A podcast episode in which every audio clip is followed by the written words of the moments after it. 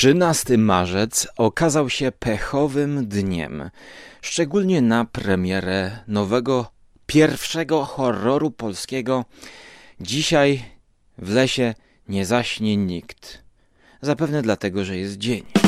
Jednakże ja przez zupełny przypadek, nie wiem czy to był pechowy przypadek, zobaczyłem na YouTubie wywiad z aktorką która gra jedną z głównych ról w tymże horrorze.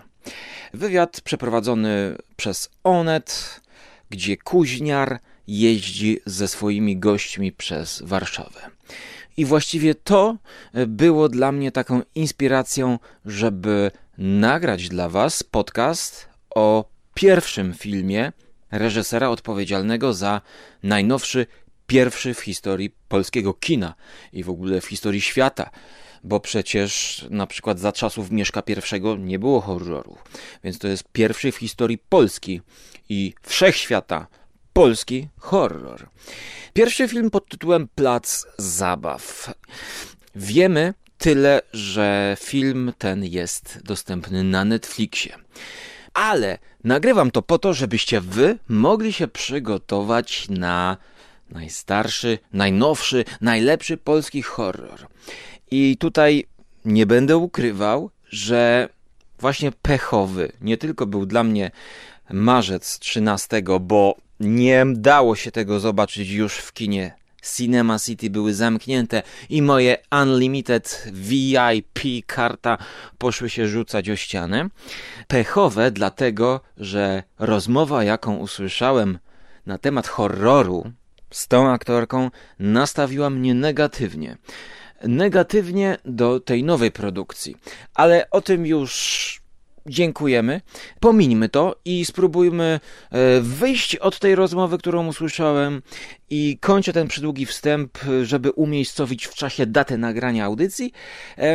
No, bo chcę naprawdę się skupić bez żadnych narzuconych e, przez tę nową produkcję wrażeń, przez doznań nie oglądałem filmu pierwszego polskiego horroru w historii, kiedy oglądałem Plac Zabaw, czyli całkowicie na zimno, chłodno, bez żadnych oczekiwań obejrzałem Plac Zabaw i teraz zapraszam Was na audycję właściwą.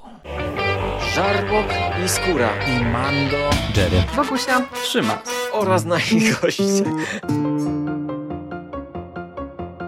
Konglomerat podcastowy. Wasze ulubione podcasty w jednym miejscu. Bartek, cieszę się, że dzwonisz, to bardzo mi miło. Tak. I po dwóch godzinach rozmowy powiedział, wiesz, ale to horror. Nie, on powiedział to na samym początku i ja powiedziałam wtedy nie, dziękuję, to, to jednak nie, ale jednak mnie... Nie, nie, nie, bo to już było na spotkaniu. Ale, ale bardzo mnie zaintrygowało to, że no on, to, on to będzie robił. Ja wiedziałam, że on nie może zrobić nic złego. Dlatego poprosiłam o scenariusz, zawsze tak robię, e, bo to jest jakby no gwarant, no albo, albo będzie, jak jest dobry scenariusz, no to jest, jest szansa, że będzie dobre kino, a, a jeszcze jak jest dobry scenariusz i dobry reżyser, no to już tym bardziej. No i się okazało, że to jest kurczę świetna historia, że to jest tak wciągające, że to jest właśnie zabawne, to naprawdę nie jest bez znaczenia, bo powiem Ci, że to nie tylko w horrorze. Czyli fajnie, że go zrobił y, Bartek. Mm, no Jeśli o to, to musi możesz. być krew, może tak, hektolitry krwi, ale będzie też dowcipniej, to jest fajne, że... Mm, tak, tak, no... No nie może być tylko krew, krew i zgroza i lęki. Ale, no ja rozumiem, że horror jest tym, co wciąga, wciąga, wciąga, te, rozbudza wyobraźnię, przejmuje, przejmuje, przejmuje, to jak napuścisz żart, no to emocje spadają. Nie. Pójdź to zobacz. Zobacz, ja Dobre kino to jest Ale kino. zobacz, powiedziałeś, że to jest pierwszy w Polsce, czy w ogóle jakby nie ma za dużo tych gatunków takich robionych tutaj na naszym rynku, bo... bo? Nie wiem. Nie wiem dlaczego. nie chcą grać? Nie wiem dlaczego tak jest. No może, może lepiej, że że nie wiem, no fa- fajnie, że, że, że jestem pierwszy i fajnie, że go zrobił Bartek. Ja w ogóle, tak jak powiedziałam, nie lubię tego gatunku, nie oglądam. No takiej mm, teksańska mm, mm, masakra piłą mechaniczną. Zobacz, ile było nie dla mnie kompletnie. E, Blair Witch Project to jest Na coś przykład. takiego, Mhm. psychologiczny horror, ale tam to, to, to, to no, takie krwawe horrory, dlatego jak mi Bartek zaproponował, ja się ucieszyłam, że, że Bartek ma jakąś rolę dla mnie, bo widziałam Okej, dobrze, wystarczy, bo ciężko się tego słucha. E, Z tego powodu nie, że prowadzi to kuźniar, ale dlatego, że mam złe przeczucia, że aktorka, która nie ogląda horrorów, w ogóle przyznaje się i że to nie są dla niej, nie zna się i nie ogląda, to jeżeli ona to chwali, no to będzie to mm, horror szablonowy, obawiam się, ale nie będę tutaj wyprzedzał, tylko teraz chciałem się skupić na filmie Plac Zabaw, a już na spokojnie dokończę sobie rozmowę z aktorką Gabrielą Muskałą, która zagrała w Lesie Dziś nie, nie zaśnie nikt. Natomiast Plac Zabaw. Ostatnio na Netflixa wszedł ten Plac Zabaw tego samego właśnie reżysera i powiem może jak ja się pierwszy raz zapoznałem z tym filmem. Otóż ja chciałem go obejrzeć zaraz po premierze. Dlaczego? Otóż w tygodniku kulturalnym, kiedy była dyskusja, to jeden z, z, uczestników dyskusji powiedział, że to jest dobre kino psychologiczne o dzieciach i że to jest taki horror. O, i wtedy już wpisałem to na listę. Oczywiście wtedy nie można było tego nigdzie zobaczyć, poza jakimś festiwalem w Wólce Dolnej, e, ani w internecie. No i teraz to wypłynęło, więc szczerze mówiąc bardziej zainteresowany e, byłem placem zabaw niż e, tą nową produkcją, na którą oczywiście pójdę do kina. Mam Cinema City Unlimited, nie? No, bez tego też bym poszedł, dobra. E, plac zabaw to historia bodajże czterech dzieciaków, opisana i opowiedziana w formie takich rozdziałów niczym u Larsa von Triera, każdy rozdział to jest imię dziewczynki albo chłopczyka, a na koniec ostatni rozdział to jest plac zabaw. Na początku poznajemy Gabrysię, która przygotowuje się i zbiera do szkoły. Zwykły dzień zaczyna się, codzienność, tak jak ja tutaj robię wodę na herbatę, z rana o godzinie 11. Pozdrowienia dla Huberta. I w pewnym momencie widzimy dziwną scenę. Otóż dziewczynka nalewa sobie wrzątek. Spokojnie, ja tego nie będę robił.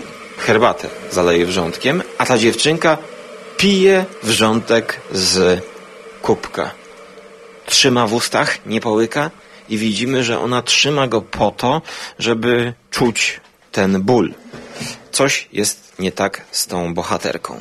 Wychodzi do szkoły, no i wszystko dalej dzieje się normalnie podczas tej sceny widzieliśmy jakieś takie, słyszeliśmy e, elektroniczne, e, mroczne zawodzenie, podkreślające wrogość i grozę. Kolejna bohater pojawia się. Kolejny bohater, nie pamiętam jego imienia. W sumie ten film oglądałem chyba dwa albo trzy tygodnie temu. Zapomniałem nagrać i teraz wracam e, trochę z opóźnieniem, bo już za tydzień chyba jest premiera tego horroru. I zdaję sobie sprawę, że część e, ludzi nie będzie chciała w ogóle sięgać po plac zabaw, a zobaczymy, co powiedzą po tym podcaście.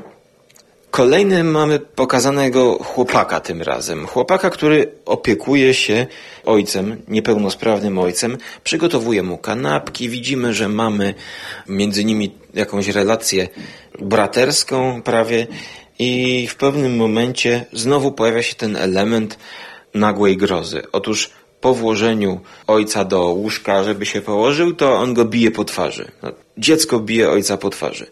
No i widzimy, że tutaj z tymi dziećmi coś jest nie tak. Coś mają w głowach pomieszane.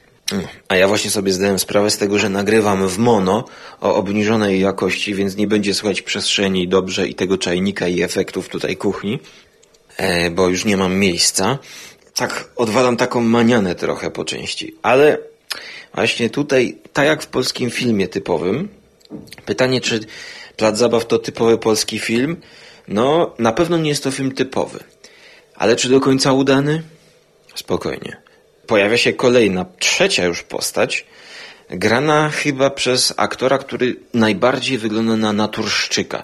Wręcz mówi niewyraźnie, jakby miał wadę wymowy, ale widać, że jest to dobrane po to, żeby pokazać kolejnego chłopaka, który ma jakieś problemy. Ugniata z plasteliny kulkę, nazywając ją kulką mocy.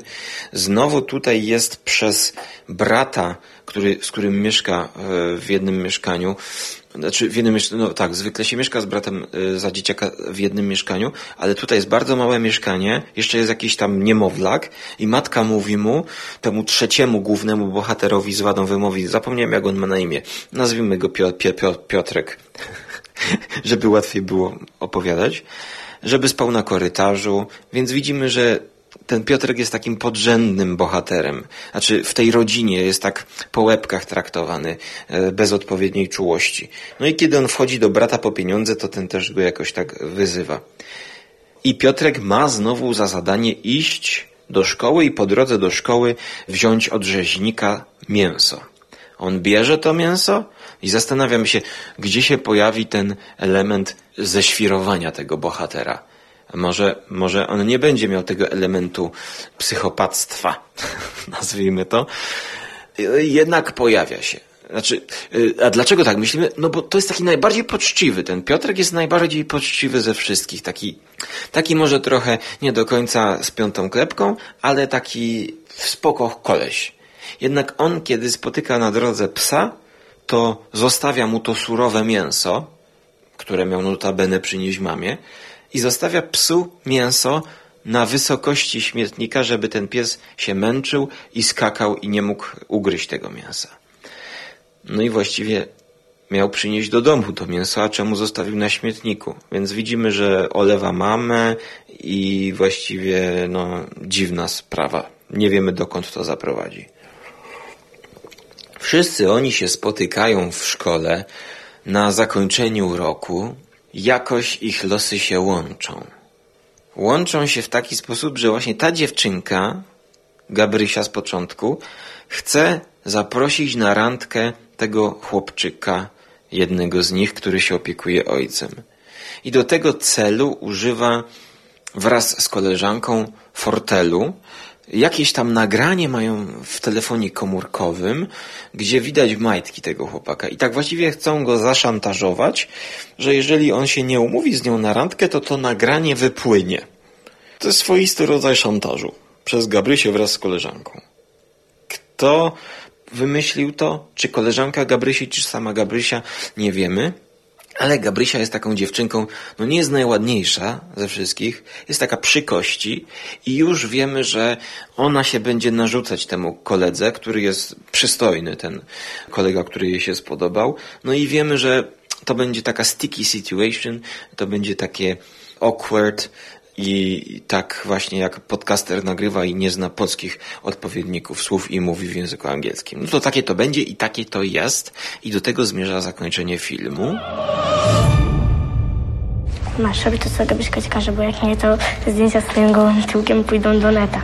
Rozumiesz? A co tak grubcia chce od ciebie? Nie wiem. Ale wiesz, że będzie trochę siary, jak ona będzie tak za nami łaziła. Bo jest już koniec szkoły i chciałam po prostu, żebyś przyszedł, bo musimy pogadać. Trochę robi się z tego taki Haneke. Cała ta opowieść konsekwentnie i logicznie kończy się właśnie na pokazaniu, że przemoc występuje wśród najmłodszych. Na pytaniu skąd się ona bierze, pytanie czy to z technologii, czy od dorosłych, to nie jest wyjaśnione. No, w sumie tak jak u Hanekego.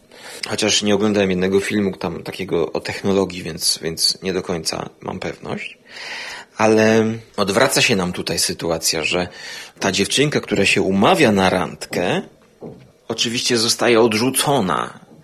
I chłopaki sobie nic nie robią z tego, że mają jakieś tam nagranie, że majtki, że chłopakowi widać majtki. I wyjmują komórkę, nagrywają tę właśnie dziewczynkę, która przyszła na spotkanie i ośmieszają ją doprowadzają do łez, do płaczu, upokorzenia. I tutaj film moim zdaniem powinien się zakończyć.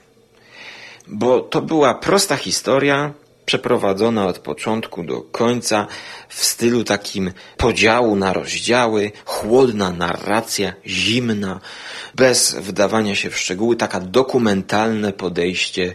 Oczywiście typowe dla polskiego kina jest za dużo scen niepotrzebnych. Ten film można by skrócić o 20 minut i, i zyskałby. Pomijając tutaj epilog, nazwijmy to, no nie wiem, 15 albo 20 minutowy epilog, który wprowadza coś nowego ale o tym y, później, bo to będzie taki trochę spoiler, powiedziałbym. Y, tutaj no, streściłem fabułę, ale ta fabuła jest, jest prosta jak budowa cepa. Ten film i jego sedno to jest sposób narracji. Właśnie chłodny, dokumentalistyczny, w stylu Hanekego. Y, Nawet mamy to jeszcze zasugerowane na początku, niczym z filmu Ukryte, kiedy widzimy takie ujęcia z kamer ze sklepów, kamer obserwacyjnych, mm, gdzieś na jakimś osiedlu, kamera strażnika, e, tego typu ujęcia. Widzimy architekturę. No i co tam będzie się działo, już się zastanawiam. Już mamy takie chłodne oko postronnego obserwatora, ale okej, bliżej poznajemy te kilka rodzin. I tutaj też trzeba powiedzieć, że najlepsza z tego filmu jest reżyseria dzieci i dobór dzieci. Dzieci świetnie wypadają na ekranie i tutaj to, co jest najbardziej wartościowe z tego filmu, to dobór dzieci do poszczególnych ról, bo ja bym krytykował dużo ten film, chociaż chyba wystawiłem mu ocenę 6 na 10, co jak na polskie kino jest, jest dobre, ale no ja byłem po części zniesmaczony tym filmem nie zrobił na mnie takiego wrażenia, jak mógłby. Gdyby, mam wrażenie, że trochę taki na kolanie jest ten film kręcony, taki trochę e, zbyt tak jakby nie chcieli dręczyć dzieci na planie i pozostawili dużo na improwizację, podejrzewam, żeby dzieci same tworzyły te dialogi. Trzeba było moim zdaniem zrobić więcej dubli i w montażu to tak ustrukturyzować bardziej. No to mów. Od kilku miesięcy tak jakby zakochałam się w tobie. Podobasz mi się. No i no, czy byłaby opcja, żebyśmy chodzili ze sobą? proste przesłanie. W dzieciach jest przemoc. Strzeżmy się jej. To zło nie wiadomo skąd. Trochę właśnie jak w Omenie, można by powiedzieć, że to jest takie nadnaturalne, paranormalne zło. Chociaż jest to bardzo subtelnie sugerowane, a właściwie nawet nie jest sugerowane. I może ja, jako stały widz horrorów, sobie dopowiadam, a to jest takie bardzo naturalistyczne. I bez żadnej metafizyki. O, jest to możliwe. Ale jednak, dlaczego ten film no jest thriller, jako tam na IMDb zaklasyfikowany? Horror, troszkę gore, powiedziałbym, że to jest, przez ten epilog, który teraz zdradzę trochę, ale jeszcze- jeszcze chwila. On jest na siłę doklejony. On jest po to, żeby jeszcze pokazać, patrzcie, jacy oni mogą być źli. Patrzcie, do czego jeszcze prowadzi zło. Jakby upokorzenie tej dziewczynki nie było wystarczające. Jakby, jakby reżyser chciał powiedzieć właśnie, co się sprawdza, wiedząc, że już teraz nakręcił pierwszy polski horror. To wiemy, że chciał powiedzieć wtedy, że patrzcie, potrafię nakręcić taką scenę, która ryje psychikę, która jest bezkompromisowa, która rozwala nie tylko po prostu gorę, jest po prostu... Gaz Van Sant robił takie filmy pokazujące, jak technologia i te komórki zmieniają codzienność dzieciaków. Chyba już to było w Słoniu, chociaż tam oczywiście broni problem tej masakry w szkole. Mm, Ale taki klimat właśnie. Gaz Van Sant spotyka Hanekego i polska rzeczywistość. Smutna taka, nu- nudna polska szkoła. Już dobrze, bo mi się y, wyczerpało miejsce. Na y, dyktafonie musiałem zgrać i od nowa załadować wszystko i teraz się zgubiłem.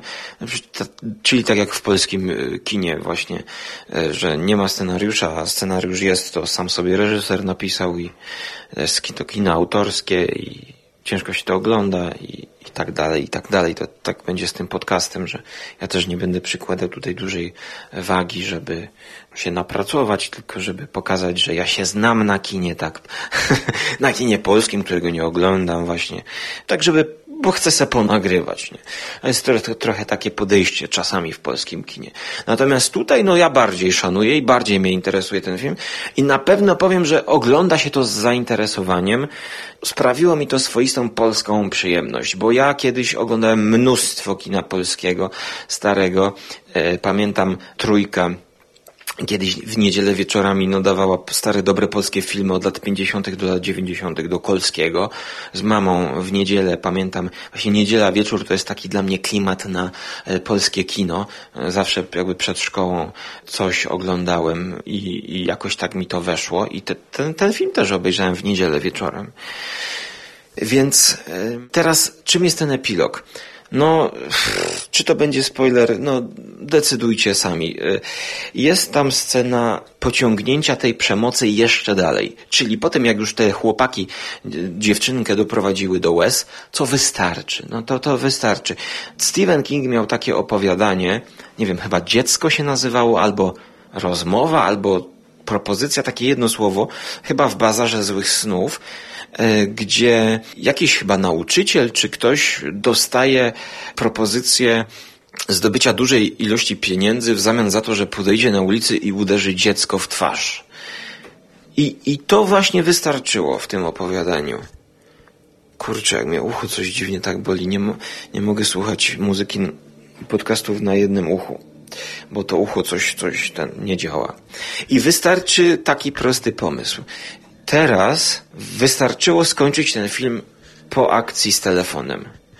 Ale tutaj trzeba było jeszcze, musiał, reżyser się nie powstrzymał i docisnął gaz do dechy. Pokazał, jak te chłopaki idą do sklepu z grami, idą do galerii handlowej. I co tam jest? No kurcze blade. Akurat sklep z, z grami komputerowymi jest zamknięty, no. Tak jak u Gusa Van Santa też było chyba zasugerowane, że ten, co zrobił masakrę, to grał e, w Counter Strike'a czy, czy tego typu gierki. No i tutaj chcieli sobie pograć właśnie w Counter Strike'a, ale było zamknięte. No więc chłopaki się nudziły, takie schody elektryczne i tak jeździły sobie, jeździły sobie chłopaki po tych schodach, aż przyszedł strażnik i powiedział, że Idźcie stąd do sklepu, w którym chcecie robić zakupy, czy coś takiego, nie, no to tam, no idźcie stąd, bo tutaj niebezpiecznie jest. No i te chłopaki w sumie, no, salon gier zamknięty, no to, no to idą. No i nagle zmienia się narracja. Nagle zmienia się narracja do takiej, jak była na początku. Ja no nie wiem dlaczego, bo do tej pory śledziliśmy głównych bohaterów od tyłu, niczym w filmie e, Syn Szawła. Kamera szła za bohaterem. Może trochę jak w grze komputerowej, jakieś RPG?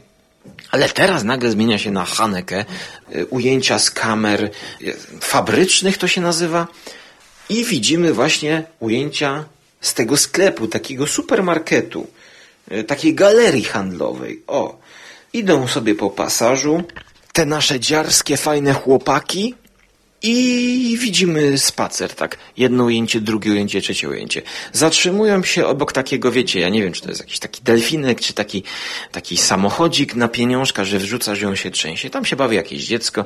One podchodzą, to widzimy z daleka, z daleka, biorą to dziecko za rękę, idą z nimi na spacer, potem razem idą teraz w trójkę, wychodzą z tego marketu, idą gdzieś przez jakieś pola, łąki, skrzyżowania, spotykają rowerzystę, który zwraca im uwagę, że dziecko się chyba męczy, więc weźcie go na ręce. No oni ubiorą go na ręce, idą, idą, idą, idą, idą, idą, idą, idą. Idą, idą, idą, idą, idą.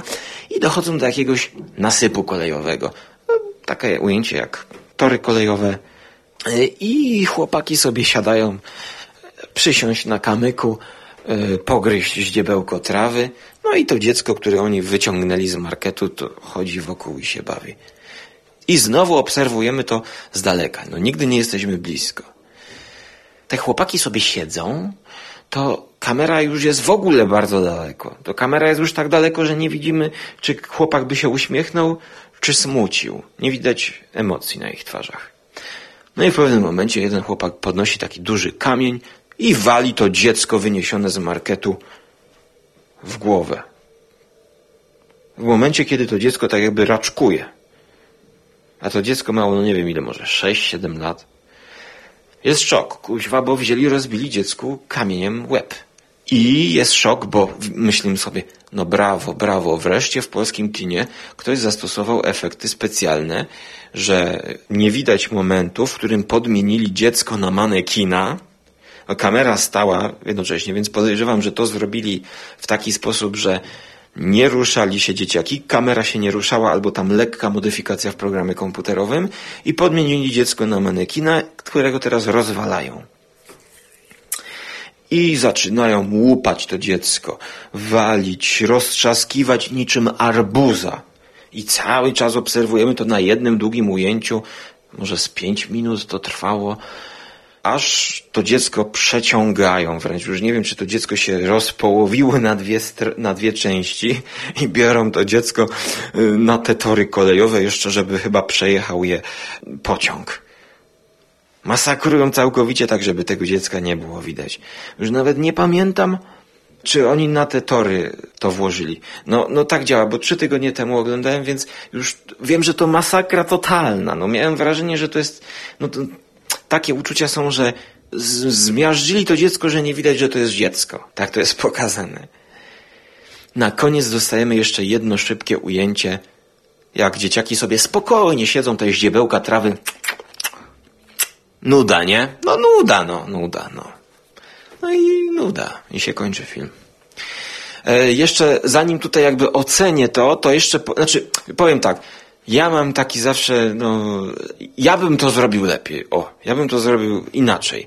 I, ale mimo wszystko powiem, że ulepszyć, mimo całego tego nie, nie po, takiego trochę dołączenia do filmu jako bonus epilogu, to moim zdaniem reżyser już konsekwentnie powinien zatrzymać tę kamerę i nie robić kontrujęcia zbliżenia, takiej przebitki.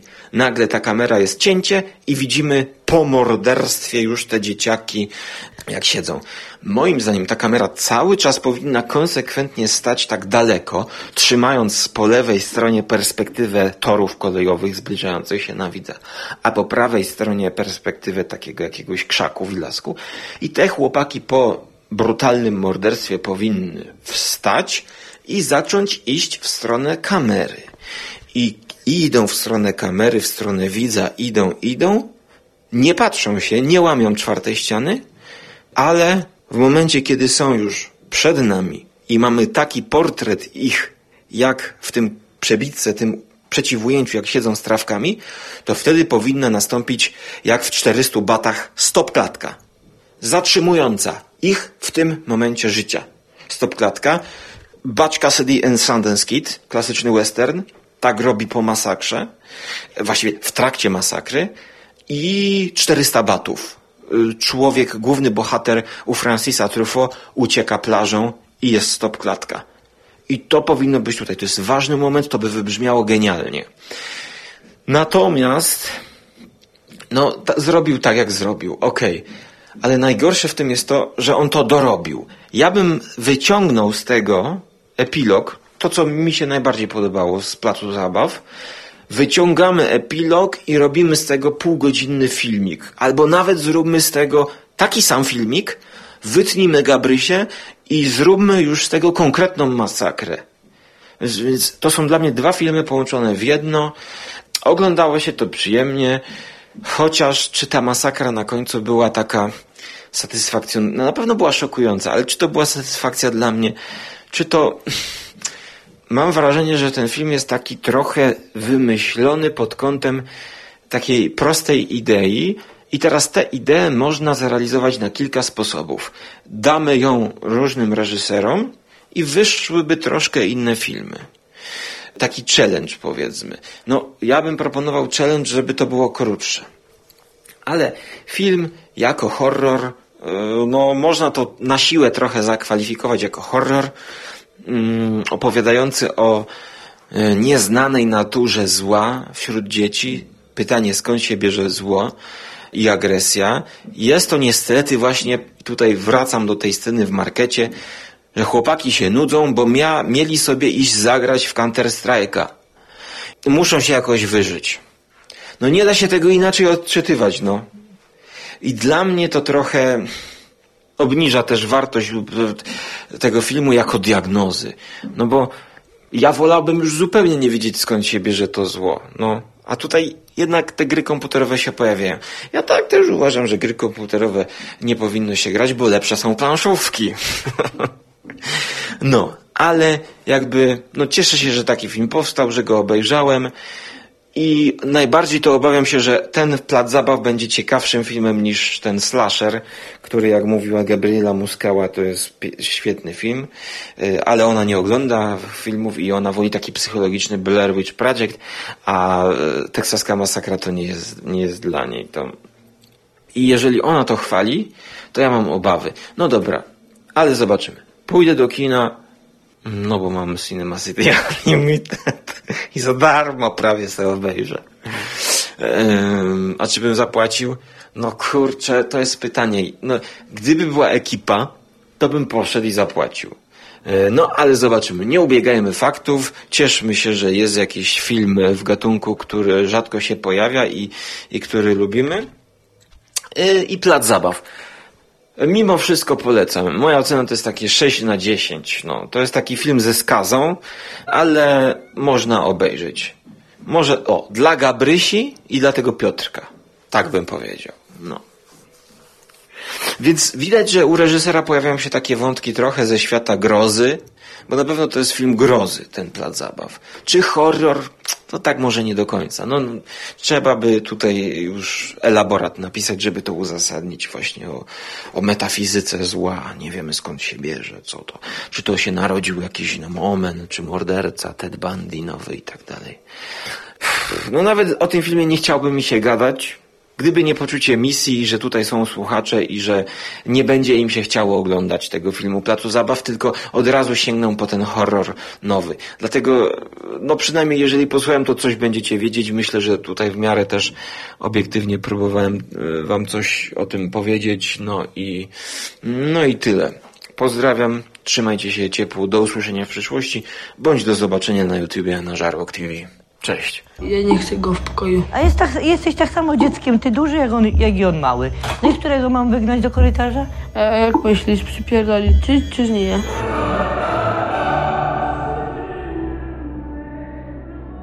O, dzisiaj to chaotyczny podcast, bo tutaj zaczęli robić pion. No to jeszcze dzwonek dzwoni.